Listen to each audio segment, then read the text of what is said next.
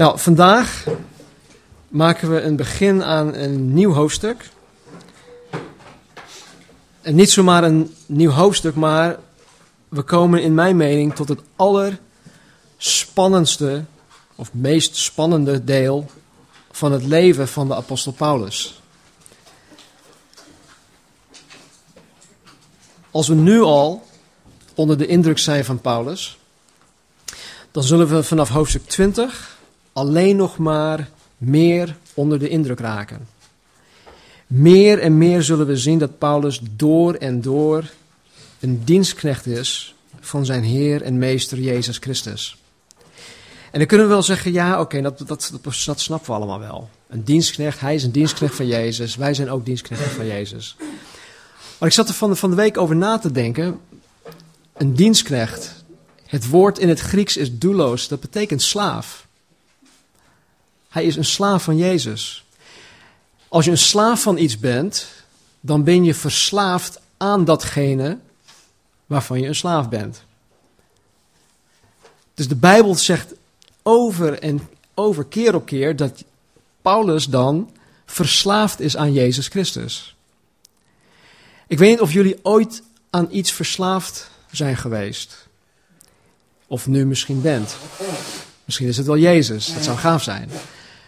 Maar als je aan iets eh, verslaafd bent, het zij internet, MSN, drugs, alcohol, sigaretten, nicotine, het maakt niet uit wat het is. Het eerste waar je aan denkt wanneer je wakker wordt, is datgene waaraan je verslaafd bent. En ik geloof dat als wij verslaafd zullen zijn aan Jezus Christus, dat Jezus ook het eerste is waar we aan denken wanneer we s ochtends wakker worden. En dat is ook de bedoeling. En we merken dat in het leven van Paulus. We zien het ook in het leven van Jezus zelf, dat hij verslaafd is aan God de Vader en wat God met hem wil. Dus we zullen meer en meer zien in hoofdstuk 20, of vanaf hoofdstuk 20, dat Paulus inderdaad verslaafd is aan Jezus. Meer en meer zullen we zijn hartsgesteldheid zien. Zijn hartsgesteldheid waardoor God hem gebruikte om dingen te doen die van eeuwige waarde zijn. Dingen die mij, die ons, zo'n 2000 jaar later nog steeds voor eeuwig en ten goede zal doen veranderen. En dit is krachtig. Dit is krachtig. Wat, wat hebben wij nog meer van 2000 jaar geleden dat ons van op de dag van vandaag nog steeds helpt? En niet alleen nu helpt, maar voor eeuwig zal helpen. Alleen datgene dat God gedaan heeft. Alleen datgene dat God aan het doen is. Natuurlijk hebben we dingen meegekregen, maar veel dingen die blijven niet. Jezus zegt ook: het enige dat blijft is het woord van God. Hemel en aarde zal zelfs vergaan. Maar het woord van God zal voor altijd en eeuwig blijven. Dus Gods woord, Gods werk. Vandaag uh, pakken we het op bij Handelingen hoofdstuk 20, beginnen met vers 1. Nadat de opschudding bedaard was, riep Paulus de discipelen bij zich en na afscheid genomen te hebben, vertrok hij om naar Macedonië te reizen. En toen hij die delen van het land doorgetrokken was en hen met veel woorden bemoedigd had, kwam hij in Griekenland. En toen hij daar drie maanden doorgebracht had en de Joden een aanslag op hem wilden plegen, toen hij van plan was naar Syrië te varen, besloot Paulus terug te keren door Macedonië. En tot in Azië vergezelde hem Sopater uit Berea en van de Thessalonicensen Aristarchus en Secundus en Gaius uit Derbe Timotheus en Tychicus en Trophimus uit Azië. Ik weet niet of ik dat maar goed zeg hoor. Ze waren vooruitgereisd en wachten ons op in Troas. Wij echter vertrokken na de dagen van de ongezuurde broden per schip van Filippi en kwamen binnen vijf dagen bij hen in Troas aan, waar wij zeven dagen verbleven. En op de eerste dag van de week, toen de discipelen bijeengekomen waren om brood te breken, sprak Paulus hen toe, omdat hij de volgende dag wilde vertrekken. En hij liet zijn toespraak voortduren tot middernacht. En er waren veel lampen in de bovenzaal, waar zij bijeen waren. En een zekere jonge man, die Eutychus heette, zat in het venster en raakte, doordat Paulus zo lang sprak, in een diepe slaap. En hij viel door de slaap overmand van de derde verdieping naar beneden en werd dood opgetild. Maar Paulus ging naar beneden, wierp zich op hem, sloeg zijn armen om hem heen en zei: Maak geen misbaar, want zijn ziel is in hem. Of met andere woorden, jongens, rustig aan, hij leeft nog. Of hij leeft. En nadat hij weer naar boven gegaan was, brood gebroken en iets gegeten had, en hij lang tot aan het aanbreken van de dag toe met hen gesproken had, vertrok hij. En ze namen de jongen levend mee en waren buitengewoon vertroost. Wij nu waren vooruitgegaan naar het schip en voeren naar Assus, waar wij Paulus aan boord zouden nemen, want zo had hij het ons opgedragen. En zelf zou hij te voet gaan tot zover. Heer, ik dank u voor uw woord. Heer, ik dank u voor het voorbeeld van Paulus, zijn reisgenoten en alles wat u daar gedaan heeft. Heer, ik dank u ook voor Lucas, die zo nauwkeurig alles heeft vastgelegd voor ons. De brieven die Paulus heeft geschreven, om ditgene toe te lichten. En Heer, ik bid dat uw Heilige Geest, Heer, ons denken, ons verstand zal verlichten, zodat we kunnen snappen, zodat we kunnen begrijpen wat u hier ons te vertellen heeft. Heer, open onze ogen, open onze harten en spreek tot ons, Heer. Spreek tot ons door uw Heilige Geest. Amen.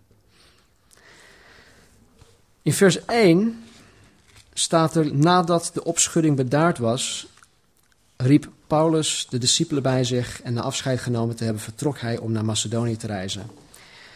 Vorige week hadden we de opschudding behandeld. Als je dat gemist hebt, dan staat die boodschap, die preek op onze website. Die kan je alsnog luisteren. Maar op dit moment is Paulus tot de conclusie gekomen om te vertrekken. En het is deze keer niet, zoals in andere plaatsen wel eens het geval was, een noodgedwongen vertrek of een vlucht. Hij moest niet per se op dit moment op de vlucht. Paulus beslist nu zelf om weg te gaan. Natuurlijk was er een bedreiging, maar het was niet direct. Het was niet zoals in die andere plaatsen waar ze hem of voor de rechter sleurden, of hem wilden stenigen, of hem gestenigd hadden, of iets dergelijks. Dus hij beslist om zelf weg te gaan. Nou, hierin zien we dat de Heilige Geest Paulus op verschillende wijzen leidt. De Heer beweegt Paulus en leidt hem op verschillende manieren.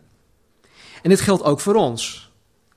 En soms laat God het toe dat het ons onmogelijk wordt gemaakt om ergens langer te blijven. En zo worden wij noodgedwongen om, om, om op te stappen. Dat kan op je werk zijn. Dat kan ook zijn als je ergens woont en God zegt, nou ik wil je hier niet meer hebben, ik wil je ergens anders hebben, dat je verhuist. Op, op verschillende fronten gebeurt dat. En soms maakt God het, of laat, soms laat God het toe uh, dat het ons onmogelijk wordt gemaakt om ergens langer te blijven. Dan moeten we vertrekken. Nou, soms beweegt God, of beweegt of leidt God ons op een manier waarop wij ook zelf kunnen beslissen.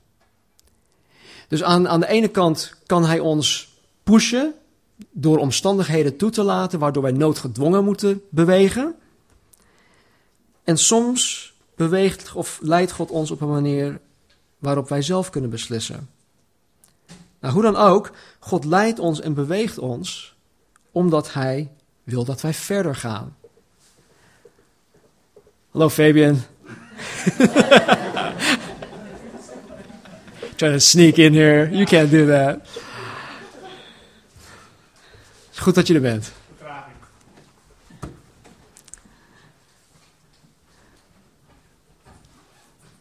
Maar goed, hoe, hoe God ons ook leidt, Hij leidt ons, Hij beweegt ons omdat God wil dat wij verder gaan.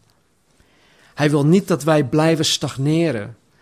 Hij wil niet dat wij in onze comfortzone blijven zitten. Hij wil ons bewegen.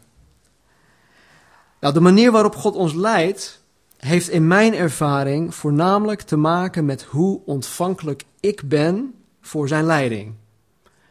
hoe ik op dat moment ehm, geleid moet worden. Met andere woorden, ben ik op dat moment in staat om zijn stille, zachte stem te kunnen onderscheiden? Of heb ik een mokerslag nodig om hem te kunnen begrijpen? Dus afhankelijk van hoe ik op dat moment ben, in welke staat ik mezelf bevind, zal God mij leiden. In, uh, in of de psalm of de spreuken, help me with this, staat er dat uh, God ons, God wants to lead us with his eye. Jullie kennen dat volgens mij? Zijn ogen leiden ons. Ja, zijn ogen leiden ons. Met andere woorden, hij wil ons ja, leiden door, door dingen te zien, door, door uh, ons voor te gaan. En dan zegt hij vervolgens: Wees niet als een ezel die door een bit in zijn mond gestuurd moet worden. want zo'n bit in je, onder je tong, dat is niet prettig. Dat doet pijn, lijkt mij. Dus God, God zegt, zegt zelfs, zichzelf: uh, Laat mij jou voorgaan, laat me je op deze manier leiden. Maar goed, ik weet uit ervaring dat ik soms een harde hand nodig heb om geleid te worden. En dan schroomt God ook niet om mij op die manier aan te pakken. En dat is ook goed. Nou, in het geval van Paulus was het zo dat hij Gods leiding hierin heeft begrepen. Hij snapte het. Hij zag het en hij heeft besloten om verder te gaan. Vers 2. En toen hij die delen van het land doorgetrokken was en hen met veel woorden bemoedigd had, kwam hij in Griekenland. En toen hij daar drie maanden doorgebracht had en de Joden een aanslag op hem wilden plegen toen hij van plan was naar Syrië te varen, besloot Paulus terug te keren door Macedonië. En tot in Azië vergezelde hem Sopater, nou deze zeven mannen. Paulus ging op, dat, op dit moment terug, vanaf vers 2, naar de verschillende kerken die hij gesticht had in hoofdstuk 16 en 17. En hij ging er terug, zoals zijn ja, zijn uh, gewoonte was, om de broeders, de kerken daar te bemoedigen, eh, te stichten, op te bouwen. Om hun nog meer dingen te leren. En er staat hier dat hij hun met veel woorden bemoedigd had. Nou, dit betekent niet zozeer dat hij lang van stof was, dat hij maar bleef praten en praten en praten. Wat, hier, wat hiermee bedoeld wordt, is dat hij veel toespraken hield. Dus Paulus was continu on the move. Hij ging van plaats tot plaats, van huis tot huis, gaf bijbelstudies, bemoedigde de broeders en zusters en hij was gewoon heel druk bezig om dit te doen. Hij heeft op veel plaatsen gesproken. Nou, in dit gedeelte, alhoewel Lucas, de schrijver van Handelingen, het hier niet vermeldt, had Paulus ook een andere reden om al deze kerken te bezoeken. Het was niet alleen om hen te bemoedigen. Paulus ging al deze gemeenten af om geld in te zamelen. Hij ging ze af om geld in te zamelen voor de armen in de gemeente van Jeruzalem. Nou, hoe weet ik dit? Ik weet dit omdat de Bijbel ons dit vertelt. Ja, maar het staat hier niet. Hoe weet je dat dan? Nou, dat is het mooie van de Bijbel. De Bijbel um, of waar de Bijbel het ons op een bepaalde plek, zoals in dit geval, niet, niet uitlegt of toelicht, legt de Bijbel het ons op een andere plaats uit. Dus veel dingen zijn uh, te snappen, te begrijpen, als je andere Bijbelteksten erbij haalt. Want ze vullen elkaar aan en dan krijg je een, compleet, een completer beeld, een totaalbeeld. Nou, Lucas schrijft dit stuk in Handelingen, die we net gelezen hadden, met de wetenschap dat zijn directe lezers op de hoogte zijn van de dingen waarover hij schrijft. Daarom is het zo sumeer. Maar Lucas had geen flauw idee dat God dit 2000 jaar later, anno 2008, dit nog steeds wilde gebruiken om mij, om ons dit te leren, om ons iets te leren. Dus God heeft ervoor gezorgd dat ook wij, wanneer we het echt willen, deze dingen kunnen begrijpen waarover Lucas geschreven heeft. Nou, in dit specifiek geval geeft Paulus in een aantal brieven zelf aan waarmee hij op dit moment tijdens deze zendingsreis bezig was. En waarom deze zeven mannen met hem waren. Dat geeft hij zelf aan. Maar dat is dus niet te lezen uit dit stukje uit Handelingen. Dus we moeten verder gaan. We moeten dingen onderzoeken. We moeten het woord recht snijden. We moeten graven. We moeten ijverig zijn. We moeten onszelf beijveren om deze dingen te ontdekken. Vanuit Korinthe, wat in Griekenland ligt, waar hij zich op dit moment bevindt, schrijft Paulus de brief aan de Romeinen. En in Romeinen 15, vers 25 en 26 zegt Paulus dit. Maar nu, dus tijdens deze reis, reis ik naar Jeruzalem om de heiligen te dienen. Hij was uiteindelijk op weg naar Jeruzalem om hun te dienen. Want het heeft de gemeente van Macedonië en Achaia goed gedacht enige handreiking te doen aan de armen onder de heiligen in Jeruzalem. Dus vanuit zijn plaats waar hij zich nu bevindt, schrijft hij een brief aan de Romeinen. En hij zegt: Ik ga naar Jeruzalem toe om de heiligen daar te dienen, mijn broers en zussen. Want het heeft de gemeente van heel Macedonië, dus Filippi, Thessalonica en al die andere gemeenten in, Macedonië, en de gemeente in Korinthe en in Athene en, en al die andere plekken. Het heeft hun goed gedacht om een handreiking te doen aan de armen onder de heiligen. Zij wilden iets meegeven. Zij wilden een collecte houden. Ze wilden geld meegeven aan Paulus om dat te geven aan de armen in Jeruzalem. Aan de Corinthiër zelf schrijft Paulus dit over de inzameling van het geld. In 1 Korinthe 16, vers 3 en 4.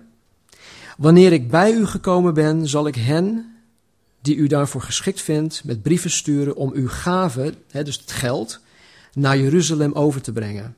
En als het van belang is dat ik ook de reis meemaak, of dat ik ook de reis maak, zullen zij met mij meereizen. Nou, het was van belang. Ze gingen dus allemaal samen. Dus allen die Paulus vergezelde, de Sopater, eh, Aristarchus, Secundus, al die zeven mannen, die waren meegegaan als vertegenwoordigers van hun eigen kerken, die geld hadden ingezameld voor de kerk in Jeruzalem.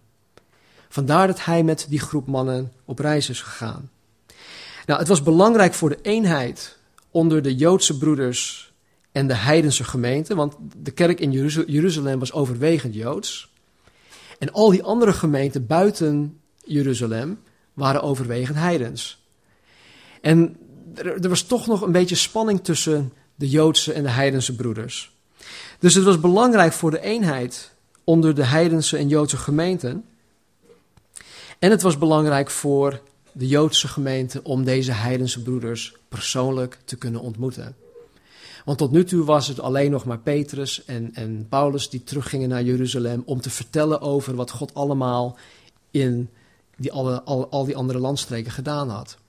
Maar nu brengt Paulus dus een aantal van deze heidense broeders met zich mee om zelf te kunnen aantonen van jongens, kijk, dit zijn de mensen die in Jezus Christus geloven. Dit zijn mijn broeders. Kijk wat God met hun heeft gedaan. Dat bevordert altijd de eenheid en uh, ja, het enthousiasme onder de broeders en de gemeente en, en, en dat soort dingen. Dus het was belangrijk. En het zou ongetwijfeld ook een, een band creëren tussen de gemeenten.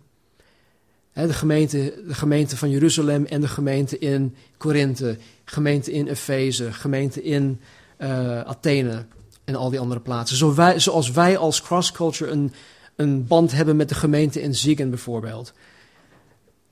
We kennen mensen daar, wij nemen mensen van hiermee daar naartoe om te zeggen van jongens, kijk wat God hier in Nederland aan het doen is. En dat, dat, dat, dat schept een band. We hebben ook nog een band met mensen uit de Meerkerk. En het is mooi dat als wij, als wij ja, elkaar tegenkomen, als wij elkaar ontmoeten, dat, dat die klik er is. En met deze mensen, als zij elkaar ergens misschien zouden ontmoeten, dan zou die klik er ook meteen zijn. Want ze kennen elkaar, ze hebben elkaar leren kennen.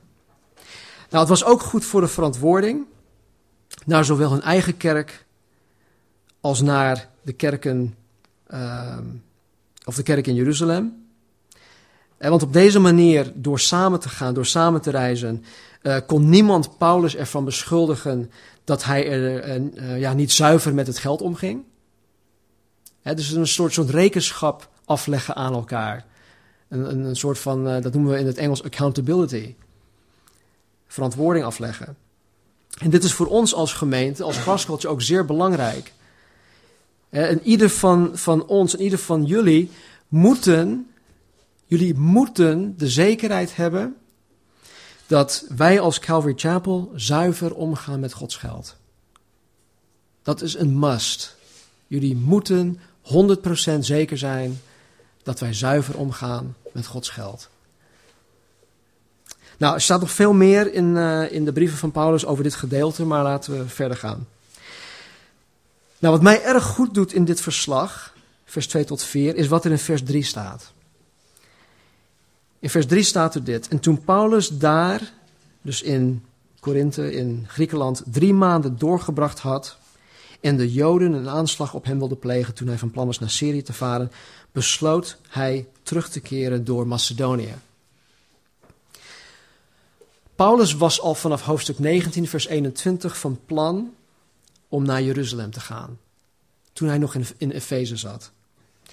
En zoals elke goede Jood wilde Paulus naar Jeruzalem toe om het paasfeest te vieren. Alleen had het paasfeest ja, voor Paulus een hele nieuwe betekenis gekregen in Christus. Maar goed, hij wilde heel graag het paasfeest vieren in, in Jeruzalem. En dat, dat vindt plaats in de maand Nisan, dat zit ergens tussen maart en april in. En hij wilde graag daar zijn. Nou, er staat hier dat hij erachter kwam dat de Joden een aanslag op hem wilden plegen. Ze wilden hem vermoorden. Op dit moment gingen vele Joden per boot vanuit deze plaatsen naar Jeruzalem toe om het paasfeest te vieren. Dus alle boten die richting Jeruzalem voeren, zaten vol met deze Joden die daar naartoe gingen. Waaronder waarschijnlijk ook de Joden die een aanslag op hem wilden plegen. En het was Paulus ter oren gekomen dat ze hem waarschijnlijk overboord wilden gooien. Geen pretje dus. Dus wat doet Paulus? Hij krijgt dit te horen. Hij overweegt de situatie. Wat doet hij? Hij besluit om terug te keren of om naar Jeruzalem te gaan door Macedonië heen. Paulus maakt hier een beslissing om een gigantische omweg te maken naar Jeruzalem. Een gigantische omweg. En hij moet nu dus over land vanuit Korinthe eerst naar het noorden toe, dan naar het oosten en dan per boot oost, naar zuiden, zuidoosten, helemaal naar Caesarea toe om naar Jeruzalem te komen. Dit kwam niet alleen Paulus, maar de anderen ook. Dit kwam hun heel slecht uit. Onderschat dit niet. We lezen er heel gauw overheen. Hij besloot om via Macedonië te gaan. Nou, leuk. Nee, het kwam hun heel slecht uit. Het was ongelegen. Geen van hen zat hierop te wachten. Geen van hen wilde dit. En geen van hen had hier tijd voor of zin in. Kan je het voorstellen? Deze omweg heeft Paulus en zijn reisgenoten waarschijnlijk twee maanden gekost. Twee maanden. Dat is niet even een omweg omdat de A4 afgesloten is. Om naar Den Haag toe te komen. Het is even iets anders. Twee maanden.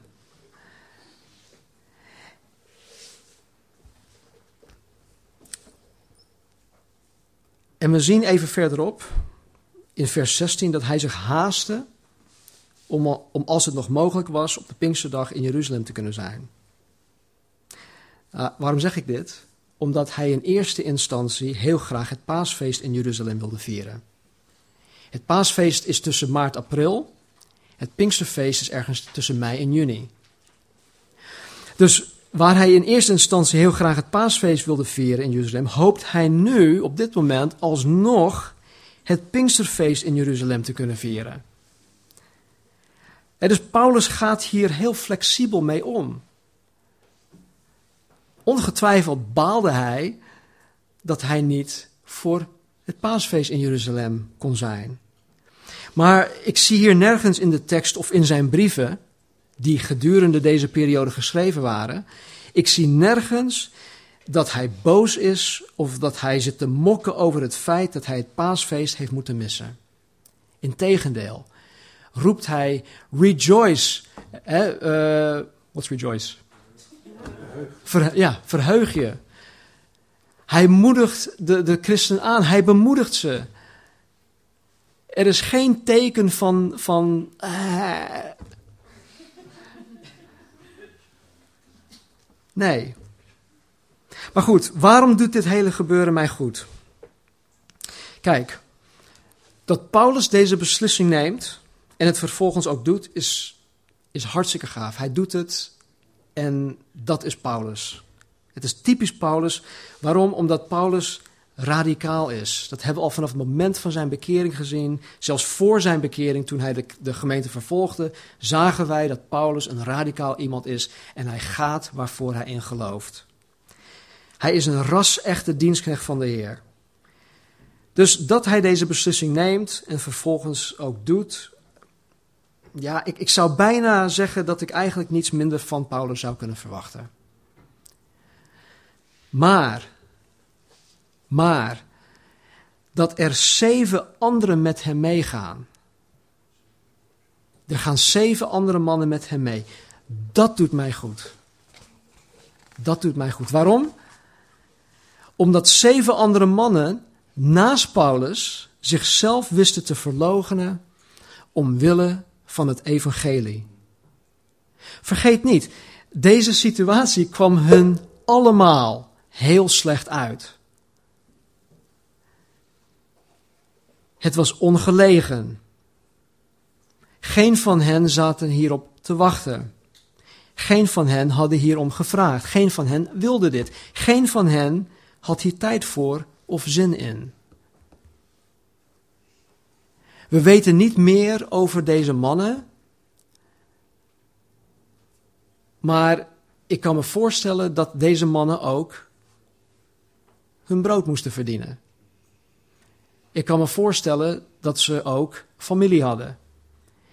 Ik kan me voorstellen dat ze ook een thuisfront hadden ergens, die hun ook nodig hadden. Dus alhoewel we er heel snel overheen kunnen lezen, laten we er even bij stilstaan wat het deze mannen heeft gekost om deze reis naar Jeruzalem te maken. En dat doet mij goed. Het doet me goed dat deze zeven mannen meegegaan zijn.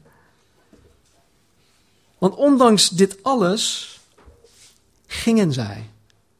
Ze gingen. En dit geeft mij hoop. Waarom geeft het mij hoop? Het geeft me hoop omdat het mij aangeeft, mij als voorganger zijnde van deze gemeente, het geeft mij aan dat waar God één man roept om hem radicaal te dienen, God de juiste mensen om hem heen plaatst om die roeping te vervullen. Dat geeft mij hoop. God voorziet dus in de manschappen die een ondersteunende rol vervullen. Hij voorziet in de manschappen en de vrouwschappen uit, uiteraard, die een ondersteunende rol vervullen. En niet alleen een ondersteunende rol, maar die ooit misschien ook hun vleugels zullen hoe zeg, uitstrekken en ook verder zullen gaan. Elders hier in Nederland een Calvary Chapel gaan starten.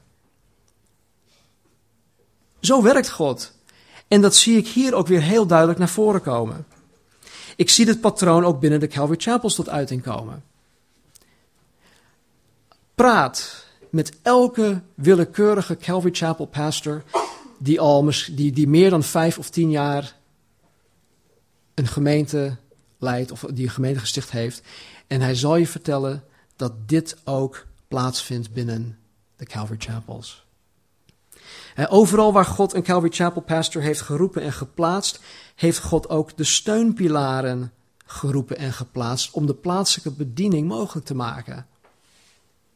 Zonder die steunpilaren kunnen we het niet. En deze steunpilaren zijn de mannen en de vrouwen die, de, die zowel de geestelijke als de praktische leiders zijn van de plaatselijke gemeente.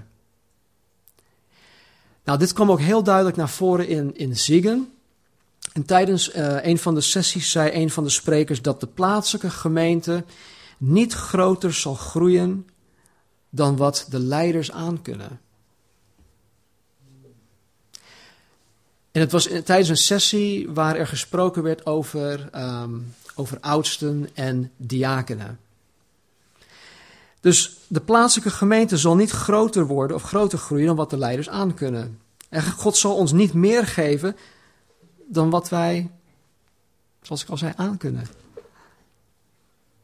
Dus als God ons in aantal en in omvang wil laten groeien als gemeente, en ik geloof echt dat God dat wil, dan zal God eerst mensen moeten roepen en plaatsen om het leiderschapsteam te vormen. Dat is Gods werk. En dat kost tijd. Het kost tijd. Waarom kost het tijd? Kijk, ik kan wel een aantal mensen aanstellen. Ik kan zeggen van, wauw, even kijken. Ik neem even iedereen onder de loep. Uh, Marcel is goed hierin. Oké, nou dan kunnen we even hier plaatsen. Uh, die is goed daarin. hey, ik zal jou even benaderen. En dan kan ik zo allemaal mensen hier en daar een, taakje geven en, en noem maar op. Dan zijn we er snel mee klaar. Ik geloof dat als ik wie dan ook van jullie vraag om iets te doen, dat jullie het ook zullen doen. Ongetwijfeld. Dus we kunnen daar heel, heel snel klaar mee zijn. Maar ik geloof dat God mensen roept. En dat kost tijd. Ik geloof dat God mensen roept en dat God mensen doet opstaan. Hij doet mensen opstaan. En om te kunnen onderscheiden wie mensen roept, of wie God roept, om te kunnen onderscheiden wie God doet opstaan, hebben we daarvoor de tijd nodig. De tijd zal het leren. De tijd zal het ons bewijzen. Nogmaals, ik kan zo een aantal van jullie zeggen: hoe wil je dit doen, wil je dat doen? En jullie zeggen: Oké, prima. Ik, ga, ik wil de Heer dienen. Maar zo werkt dat niet. God roept mensen en Hij doet mensen opstaan. Nou, we zijn als gemeente over twee weken al anderhalf jaar onderweg, al. En ik begin te zien, en dat is voor mij als, als voorganger zijnde zo'n genot om te zien dat God een aantal van jullie heeft geroepen. Hij roept allemaal. Hij roept jullie allen. Maar niet allen hebben zijn roepstem gehoord, of althans misschien nog niet. En dat is prima. Alles op zijn tijd. Maar dat God roept en dat God jullie aan het roepen is, is een feit. Nogmaals, alles op zijn tijd. Maar ik vind het gaaf om te zien dat God een aantal van jullie heeft geroepen. En ik zie ook dat God een aantal van jullie um, ja, niet alleen geroepen heeft, maar dat jullie ook zijn roepstem hebben gehoord, hebben kunnen onderscheiden en dat jullie zijn roepstem ook gehoorzamen. En dat jullie nu ook opstaan om Jezus te dienen hier in de Calvary Chapel als een, als een steunpilaar. Ik zie dit gebeuren zowel met de, de ouderen als met de jongeren. En het is echt een genot om dat te zien.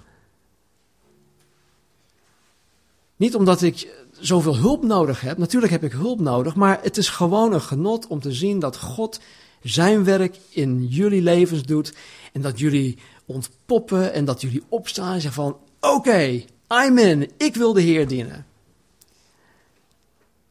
Dat is mooi. En dat is, ja, dat is het voorrecht die ik heb om dat van heel dichtbij te mogen meemaken. Daarom doet het mij dus goed om te zien dat waar Paulus een lastige beslissing moest nemen, hij er niet alleen voor stond. ondanks de gigantische opgave stonden deze zeven mannen niet alleen naast hem,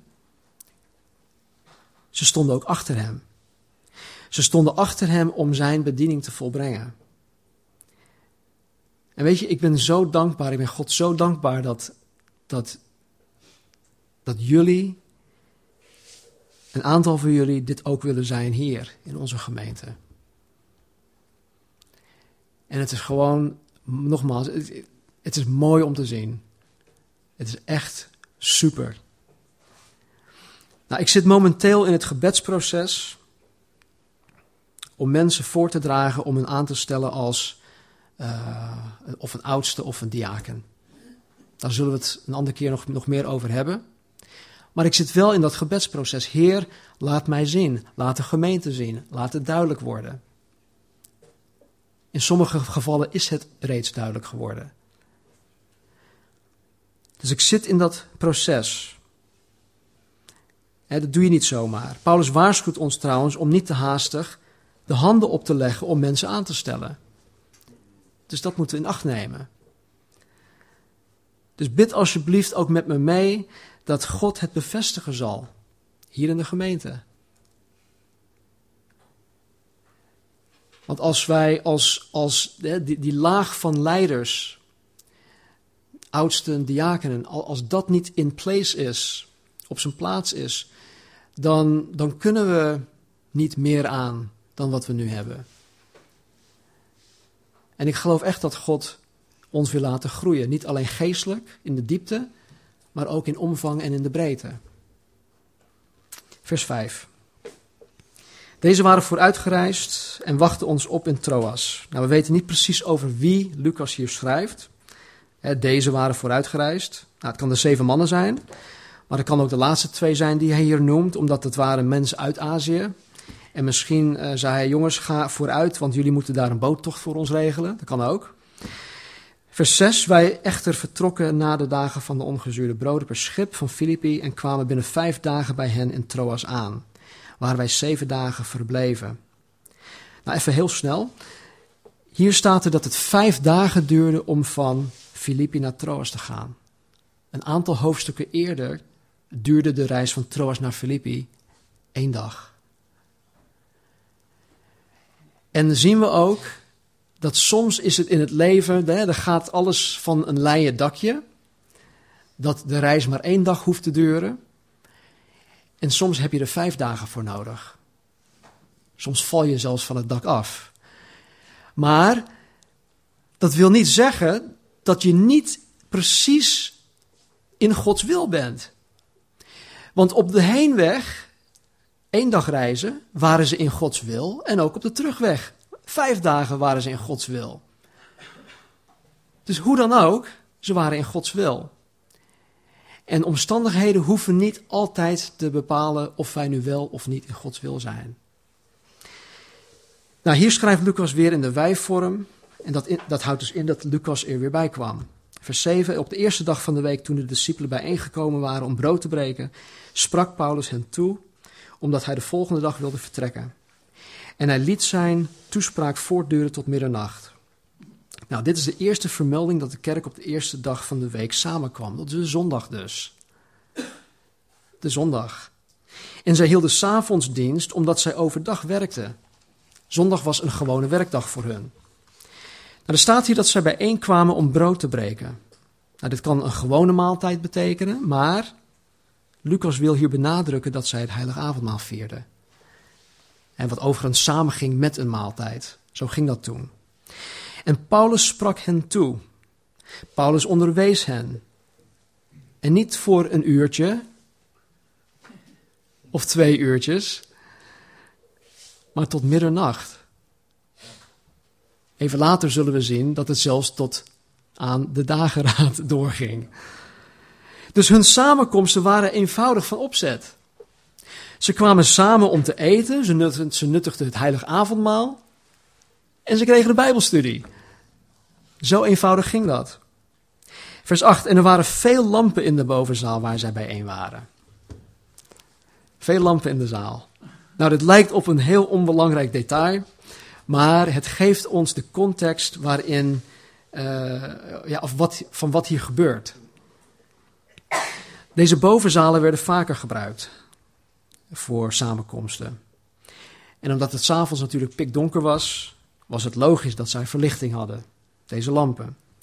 Maar een paar olielampen hier en daar verspreid over de zaal was blijkbaar niet voldoende. Zij wilden de gehele ruimte fel verlichten, omdat zij de, eh, de mensen van buitenaf wilden laten zien wat zij daar aan het doen waren. Ze deden dit omdat er veel geruchten rondgingen over wat de gelovigen met elkaar deden. Klinkt misschien heel raar, maar er gingen destijds geruchten rond dat de christenen losbandig waren. Dat ze orgies hadden. Waarom? Omdat ze, omdat ze het altijd maar over het elkaar lief hebben houden.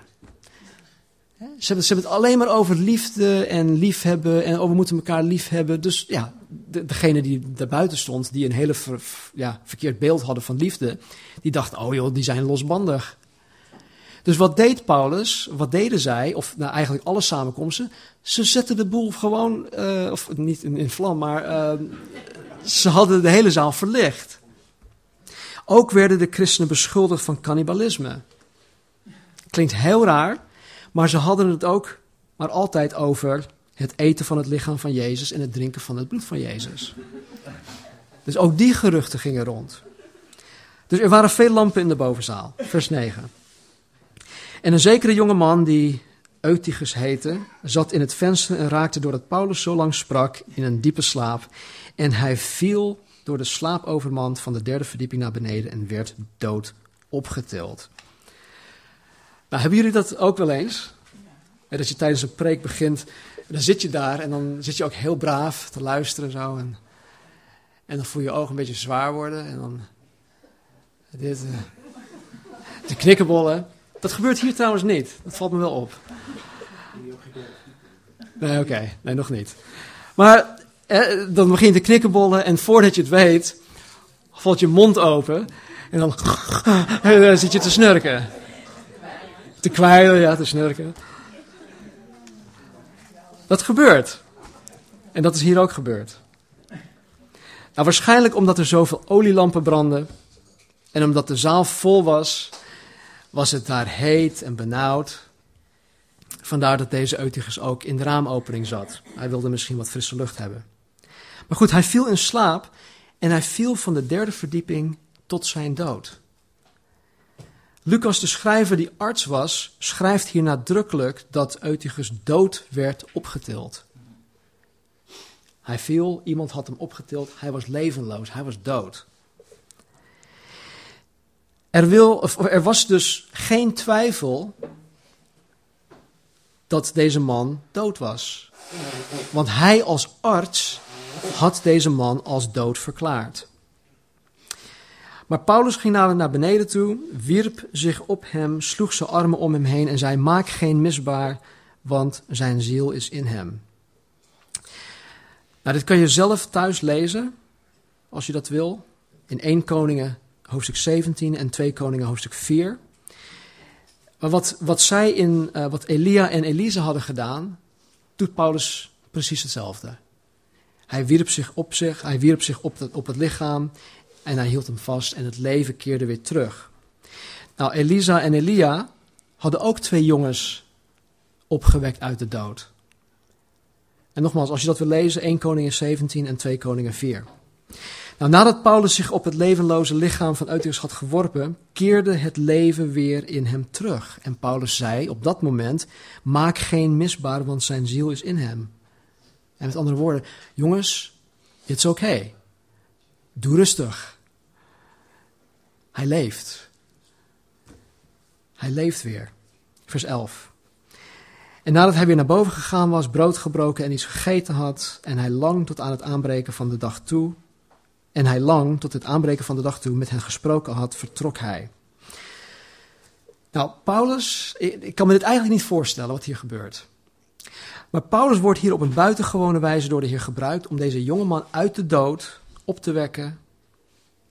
Vervolgens gaat hij weer naar boven toe, neemt een broodje en hij gaat verder met zijn Bijbelstudie. Nou, als, dat nu, als dat tegenwoordig zou gebeuren, ja, hadden we de, de nieuws, of de, de nieuwsploegen erbij geroepen en die en dat. En nou goed.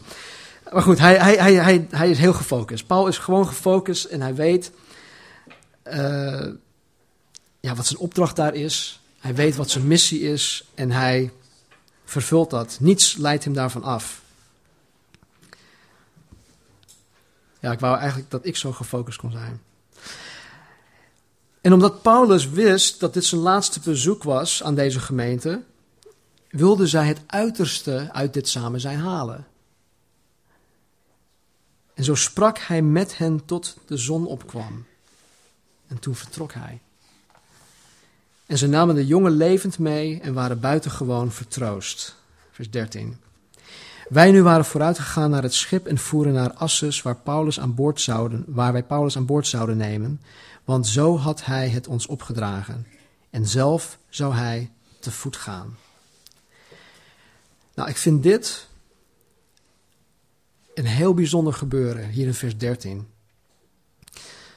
Paulus kiest ervoor om zo'n 32 kilometer van Troas naar Assus te lopen. En dit nadat hij de hele nacht een Bijbelstudie had gegeven. En nog even iemand uit de dood heeft opgewekt. Waarom doet hij dit? Waarom gaat hij niet gewoon mee met de rest? Nou, ik geloof dat Paulus op dit moment zwaar emotioneel was. Dat hij heel erg geëmotioneerd was. Waarom? Omdat hij afscheid heeft genomen van mensen. En hij moest in de komende dagen, weken, nog meer afscheid nemen. En dat zullen we in hoofdstuk 20 ook zien. Hij was zwaar geëmotioneerd vanwege de afscheid. Hij moest afscheid nemen van mensen die hem dierbaar waren. Mensen die hij tot geloof heeft geleid in Jezus Christus. Mensen wiens levens voorheen gebroken waren, die Jezus weer heel gemaakt heeft. Mensen die hij heeft toegerust en aangesteld tot leiders van de gemeenten die hij had gesticht. Daarvan moest hij afscheid nemen. En niet van, jongens, ik zie jullie weer over een paar jaar. Nee, het was nu final. Het was nu zoiets van, oké jongens, ik zie je in de hemel. Uh, in 2 Korinthe staat er iets heel moois over hoe hij... Um, 2 Korinthe 11. Hoe hij, ja, hoe Paulus in elkaar zat. 2 Korinthe 11, vers 24 tot en met 28. Hier vertelt Paulus over zijn lijden. Hij vertelt over al zijn, zijn moeilijkheden die hij heeft gekregen omwille van het evangelie. En dan zegt hij, van de Joden heb ik 40 min 1 slagen vijfmaal ontvangen. Nou, 40 is het, is het teken van um, judgment, um, oordeel. Dus de Joden die willen genadig zijn, dus die geven hem 39 slagen in plaats van 40. Maar tot vijfmaal toe. Driemaal ben ik gegezeld. Eenmaal ben ik gestenigd. Driemaal heb ik schipbreuk geleden en een nacht en een dag heb ik in volle zee doorgebracht.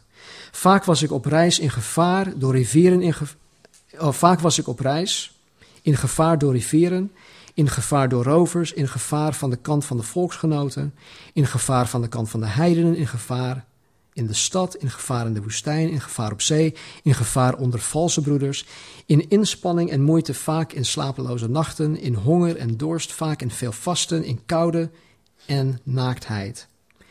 Afgezien van wat van buiten afkomt, overvalt mij dagelijks de zorg voor alle gemeenten.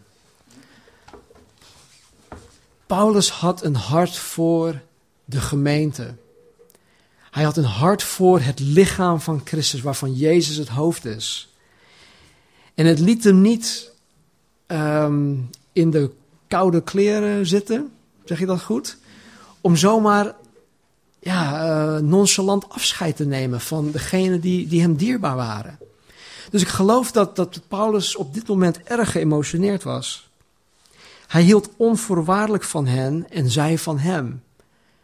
Volgende week zullen we ook zien hoe bedroefd de ouderlingen van Efeze zijn wanneer zij afscheid moeten nemen. Ze vallen hem uh, om de hals, ze kussen hem en ze blijven in zijn armen huilen. En dan staat, het, en dan staat daar, en ze huilen, ze huilden omdat hij zei dat zij zijn gezicht niet meer zouden zien. Dus de band die Paulus had met, met, zijn, met zijn schaapjes, met, zijn, met de leiders die hij heeft aangesteld, dat was een hele hechte band. En hij gaat dus weg, of, of ja, hij, hij kiest dus nu om alleen weg te gaan. Uh, wat er ook nog opeens bij kwam, en hier sluit ik mij af, waren deze hele vervelende profetieën die hij meekreeg, waarin, uh, onder, waaronder ook Agabus zei dat hij alleen maar nog, uh, of dat er alleen nog maar boeien en verdrukkingen hem te wachten staan. Agabus profeteerde, ga alsjeblieft niet naar Jeruzalem toe. Je wordt daar gearresteerd. Je krijgt daar ellende. Doe dat alsjeblieft niet. Dus met die gedachte in zijn achterhoofd, deze emoties van het afscheid nemen, hij wist ook dat hij tot het einde van zijn leven zou komen. En ik geloof dat daarom hij alleen wilde zijn. Dat hij niet meeging met de anderen. Daarom verlangde Paulus naar een tijd van, van meditatie, van reflectie, een, een tijd van gebed. Dat alleen maar mogelijkheid of mogelijk is in eenzaamheid. Eenzaamheid is niet verkeerd of is niet altijd verkeerd. Alleen zijn. Alleen zijn, hè, jezelf van alles en iedereen terug te trekken om tijd door te brengen met God. Dat hebben wij van tijd tot tijd nodig. We zien ook dat Jezus zich regelmatig terugtrok van de menigte om alleen te zijn. Andere profeten uit het Oude Testament trokken zich ook terug om alleen te zijn. Het is van tijd tot tijd belangrijk. Soms is het vaker nodig dan andere keren of dan andere tijden. Maar we hebben dat nodig. En ik raad, ik raad je ook aan om dat vaak te doen. Ga ochtends vroeg de deur uit. Het is nu mooi weer, het regent niet. Ik daag je uit om morgenochtend, voordat je naar school hoeft te gaan of voordat je naar het werk gaat, neem een wandeling voor een half uurtje. Wees alleen. Wees alleen met God. Trek je terug. Lucht je hart. Desnoods schreeuw het uit. Ik ga heel vaak naar het strand toe als, als niemand er is. Niemand kan me horen. Ik, je wil niet weten hoe hard ik schreeuw. Ik zat daar te schreeuwen. Nee. Maar het, het doet je goed. Het doet je echt goed om het uit te schreeuwen soms. En dan niet tegen je vrouw of je man of tegen je kinderen, maar richting God. Heer. En ik geloof dat Paulus dit ook deed. zoek de Heer. Zoek zijn wil, zoek zijn plan, zoek zijn doel. Misschien heeft God al in, de afgelopen, in het afgelopen jaar of de afgelopen maanden tot je gesproken. Misschien merk je dat God je roept om een steunpilaar te zijn. Maar misschien heb je geen flauw idee hoe. Hoe moet dat dan? Hoe moet ik daar handen en voeten aan geven? Heer, ik, ik snap het niet. Ga morgenochtend vroeg de deur uit. Vraag het Hem. Zoek Hem. Vraag God om je hierin te leiden. En als laatste wil ik je dit meegeven. Overal om ons heen, en ook hier in de gemeente, vallen mensen uit het raam. En God wil ons, God wil jou gebruiken om hun woorden van eeuwig leven te geven. Mijn jongste dochter, die is nu even haar eigen ding aan het doen, zoals ze dat zegt. En ik vergelijk dat met dit verhaal. Ze is uit het raam gevallen. Ze ligt daar. En misschien hebben jullie zoiets van, ja oké, maar goed, het is de dochter van de voorganger. Uh, Wauw, nee, dat laat ik wel aan hem over, want hij is de voorganger. Mensen, als God iets tot je spreekt, om haar te bellen of om iets met haar te doen, om haar te vermanen, om haar whatever, een lief woord te geven, doe het. En dat geldt niet alleen voor, voor, uh, voor Kendall, dat geldt voor een ieder. Laat het niet aan een ander over, want als ik het aan die overlaat en die het aan een ander, dan gebeurt er nooit wat. En God roept ons om degene die uit het raam gevallen te zijn, om hun het leven weer terug te geven. Laten we bidden. O Heer, ik dank u voor wie u bent, Heer. U verandert nooit. U bent mijn rots wanneer ik wankel.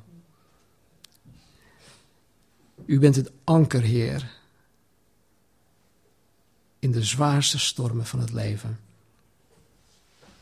En Heer, u roept en ieder van ons om u na te volgen, om u te dienen, om verslaafd te worden, te raken aan Jezus Christus. En Heer, misschien heeft u vanmorgen ook bevestigd door uw woord dat u mensen roept om op te staan, om op te staan, om uit hun comfortzone te stappen. Heer, bevestig het in hun hart. Geef hun, Heer, ook de moed, het verlangen om morgenochtend vroeg op te staan, om even een half uurtje zich terug te trekken om alleen te zijn met u. Om welke reden dan ook. En Heer, geef hen de zekerheid dat het de moeite waard zal zijn. O Heer, zegen ons. Zegen ons, Heer, en stel ons tot zegen. Dank u wel voor wie u bent. En voor uw liefde, uw trouw. Voor uw woord, voor uw geest. En voor alles dat u aan het doen bent, Heer, in ons leven als individu en ook samen, Heer, als gemeente. Dank u wel. Ik bid ook, Heer, nu voor Kendall. Laat haar niet los, Heer. En open haar ogen. Open haar hart. Heer, zoals de vrouw Matthäus ook zei toen ze u aanbad. Heer, help mij. Heer, help mij. Help ons. In Jezus' naam. Amen.